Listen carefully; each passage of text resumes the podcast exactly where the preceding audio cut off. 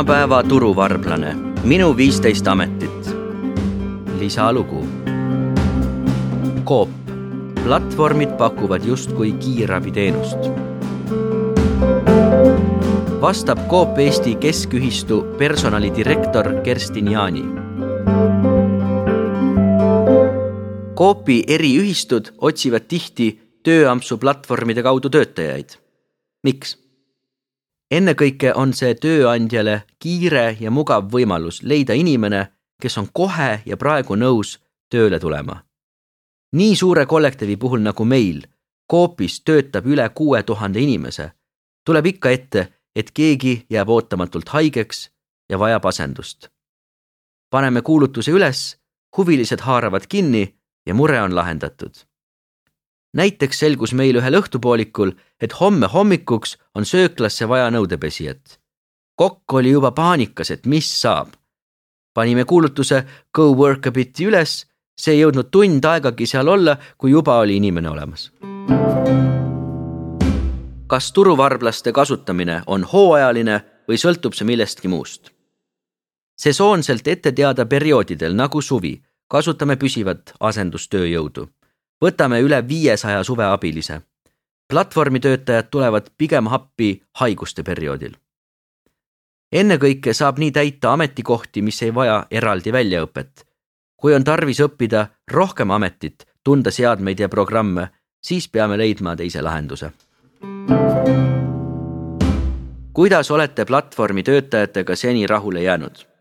Me ei saa ega taha eristada tööampsejaid ja enda palgalisi töötajaid eks teistmoodi ongi see, et tööampsajad tulevad ajutiselt, nad ei otsi püsivat töökohta. näiteks käivad meil e-poes kaupu komplekteerimas väikelaste vanemad, töötavad hommikul kella kuuest kuni üheksani, siis läheb mees tööle ja naine tuleb tagasi koju lapse juurde.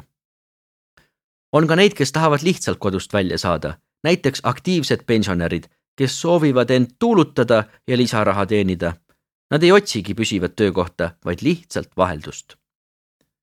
mõnikord jäävad ampsajad meie juurde tööle. alguses tulevad ja ütlevad, et mina ei hakka iialgi poemüüjaks, aga läheb kolm päeva mööda ja ta jääbki siia. see on hea võimalus inimestel eri ameteid proovida ja ettevõttele on see hea võimalus oma ettevõtet ja tööd tutvustada. Me võime küll rääkida, et oleme väga sõbralikud ja toredad, aga päriselt saab ta seda teada ikkagi ise järele proovides. see on siis natuke ka nagu proovitöö, mis on tasustatud. Teil on iga kuulutuse juures hoiatus, et kui tööampsajal jääb kassast raha puudu, tuleb see omast taskust kinni maksta. miks? eks iga juhtum on isemoodi ja seda tuleb eraldi vaadata. Me ei taha kedagi hirmutada, pigem on meie eesmärk kutsuda töötajaid üles tähelepanelikkusele aga tõsi on ka see, et kaubandust ainult usalduse peale üles ei ehita. muidugi tahame oma töötajaid usaldada, aga valvas peab ka olema. mida peab silmas pidama ettevõte, kes soovib kasutada tööampsejaid? ilmselt tuleb arvestada, et olemasolevad töötajad peavad ühepäevased ampsajad välja õpetama, mistõttu nende koormus suureneb. Mida veel? ei saa eeldada, et tuleb valmis töötaja, kes oskab konkreetset kassaprogrammi keegi peab näitama, kuidas töö käib, kuhu oma asjad panna, kust lõunat süüakse ja nii edasi. see on täiendav koormus, kuid samas mõistetakse, et tänu lisajõule on ka töökoormus paremini jaotunud. mis on tööjõuturu trendid? Ma ise julgen arvata, et kuna tööjõuturg liigub järjest suurema paindlikkuse poole, siis saab üha tavalisemaks see, et inimesed ei seo end püsivalt ega pikaajaliselt ühegi tööandjaga, vaid tahavad nii-öelda rantjee elu elada. muidugi mõista tähendab see igaühe jaoks eri asja, kuid selleks, et tänaselt tööjõuturult töötajaid leida ja hoida, peab tööandja mõistma, et paindlikkus on üha kasvav trend.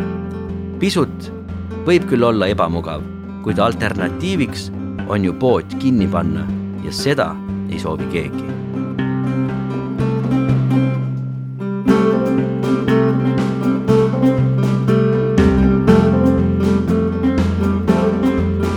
autor Lennart Ruuda, audiolugu luges Christopher Rajaveer, salvestus, helikujundus ja originaalmuusika Janek Murd.